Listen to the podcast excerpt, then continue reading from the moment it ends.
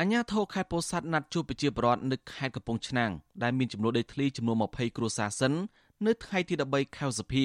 ដើម្បីវាស់វែងដីធ្លាប់អាស្រ័យផលឲ្យពួកគេ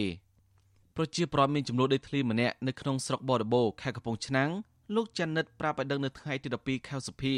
ថាអាញាធរស្រុកបរិបូរបានហៅតំណាងពលរដ្ឋទៅជួបនៅវត្តមួយនៅព្រឹកថ្ងៃទី12ខែសភា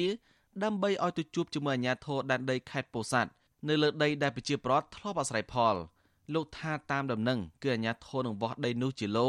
ឲ្យប្រជាប្រដ្ឋក្នុងមួយគ្រួសារកន្លះហិកតាលោកចនិតថាប្រជាប្រដ្ឋមិនពេញចិត្តទេហើយលោកផ្ទាល់ក៏មិនព្រមទទួលដំណោះស្រាយនេះទេព្រោះគ្រួសារលោកធ្លាប់អាស្រ័យផលលើដីទំហំ4ហិកតា ខ្ញុំអត់ព្រមទេបងនឹងយកមកធ្វើមិនកើតបងអត់ព្រមខ្ញុំនិយាយទៅខ្ញុំអត់ព្រមខ្ញុំថាខ្ញុំសុំខ្វីលសុំតែមកតំបន់របស់ខ្ញុំធ្លាប់ធ្វើប៉ុណ្ណាខ្ញុំសុំតែប៉ុណ្ណឹងខ្ញុំប្រជុំនៅខាងអ្នកភូមិពីព្រឹកពីព្រឹកម្ដងណាបងពីមុនយាយវាយស្រុកបាត់មួណាជាជនក៏សុំសំណូមពរតែប៉ុណ្ណឹង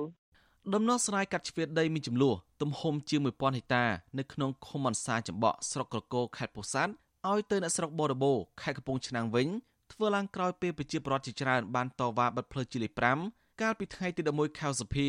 ទាមទារដំណោះស្រាយបញ្ចប់វិវាទដីធ្លីដើម្បីឲ្យពួកគាត់បានចូលទៅធ្វើស្រែក្នុងរដូវវស្សានេះវិញអភិបាលស្រុកបរិបូរខេត្តកំពង់ឆ្នាំងលោកយឹមសរិនប្រាប់អាស៊ីសេរីនៅថ្ងៃទី12ខែសភាថាអាញាធរស្រុកជាប់គ្នាទាំងពីរបានយល់ព្រមគ្នាថានឹងរកដំណោះស្រាយជូនប្រជាជាបន្តបន្ទាប់លោកមិនដឹងថាអាញាធរខាងខេត្តពោធិ៍សាត់នឹងវាស់ដីទំហំប៉ុន្មានឲ្យប្រជាទេតែលោកបញ្ជាក់ថាប្រជាពលរដ្ឋមានវិវាទដីធ្លីនេះមាន5ឃុំសរុបជាង700គ្រួសារ ខ្ញុំបានជួបក្រុមការងាររបស់ពូសាទហើយស្អែកនេះគេឲ្យ20គ្រូសាហ្នឹងទៅមុនគេទៅបោះឲ្យឲ្យបោះម្ដង20គ្រូសាហើយគេបោះហ្នឹងគេចែកជាឡូជាឡូអញ្ចឹងណាអត់ទាន់ថាមិនទេចាំមើលស្អែកហ្នឹងទៅអត់ទាន់ទៅអស់ប៉ុន្តែគេទៅ20គ្រូសាសិនចំណែកអាជ្ញាធរខាងខេត្តពោធិ៍សាត់វិញអះអាងថាប្រជាពលរដ្ឋដែលអាស្រ័យផលពិតប្រាកដមានតែជាង100នាក់ទេអភិបាលរងខេត្តពោធិ៍សាត់លោកជេងឡៃ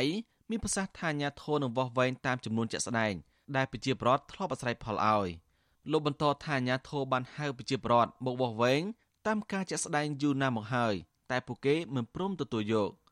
លោកអះអាងថាអ្នកទៀមទាខ្លះមិនធ្លាប់អាស្រ័យផលពីមុនជាក់ស្ដែងទេតែជាអ្នកកាប់រៀនដីព្រៃថ្មីថ្មោងដូច្នេះអាញាធរនឹងមិនបោះវែងឲ្យនោះទេកាប់ទឹកដំណោះស្រាយគេមានយូរហើយបើគាត់មិនយល់យល់ទេបងដំណោះស្រាយគេធ្វើតាំងពីយូរតាប៉ុន្តែគាត់ជាដំណំគ្នាចឹងទៅណាគេមិនមែនចែកឲ្យគេរក្សាទុកអ្នកណាដែលពិតប្រកបរស់នៅអាស្រ័យផលលើដីពិតប្រកបយល់ទេ ទោះបីជាយ៉ាងណាតំណាងពលរដ្ឋនៅក្នុងស្រុកបរដូរខេត្តកំពង់ឆ្នាំងដែលមានចំនួនដីធ្លីនៅក្នុងស្រុកក្រគរខេត្តពោធិ៍សាត់លោកយៀនជីវ័នសនំពរអាញាធរខេត្តពោធិ៍សាត់ជួយដោះស្រាយជូនពលរដ្ឋឲ្យបានឆាប់ដោយសារពលរដ្ឋដល់រដូវធ្វើស្រែហើយលោកគាំទ្រប៉ះសិនបាអាញាធរខេត្តពោធិ៍សាត់ព្រមវាស់វែងទំហំដី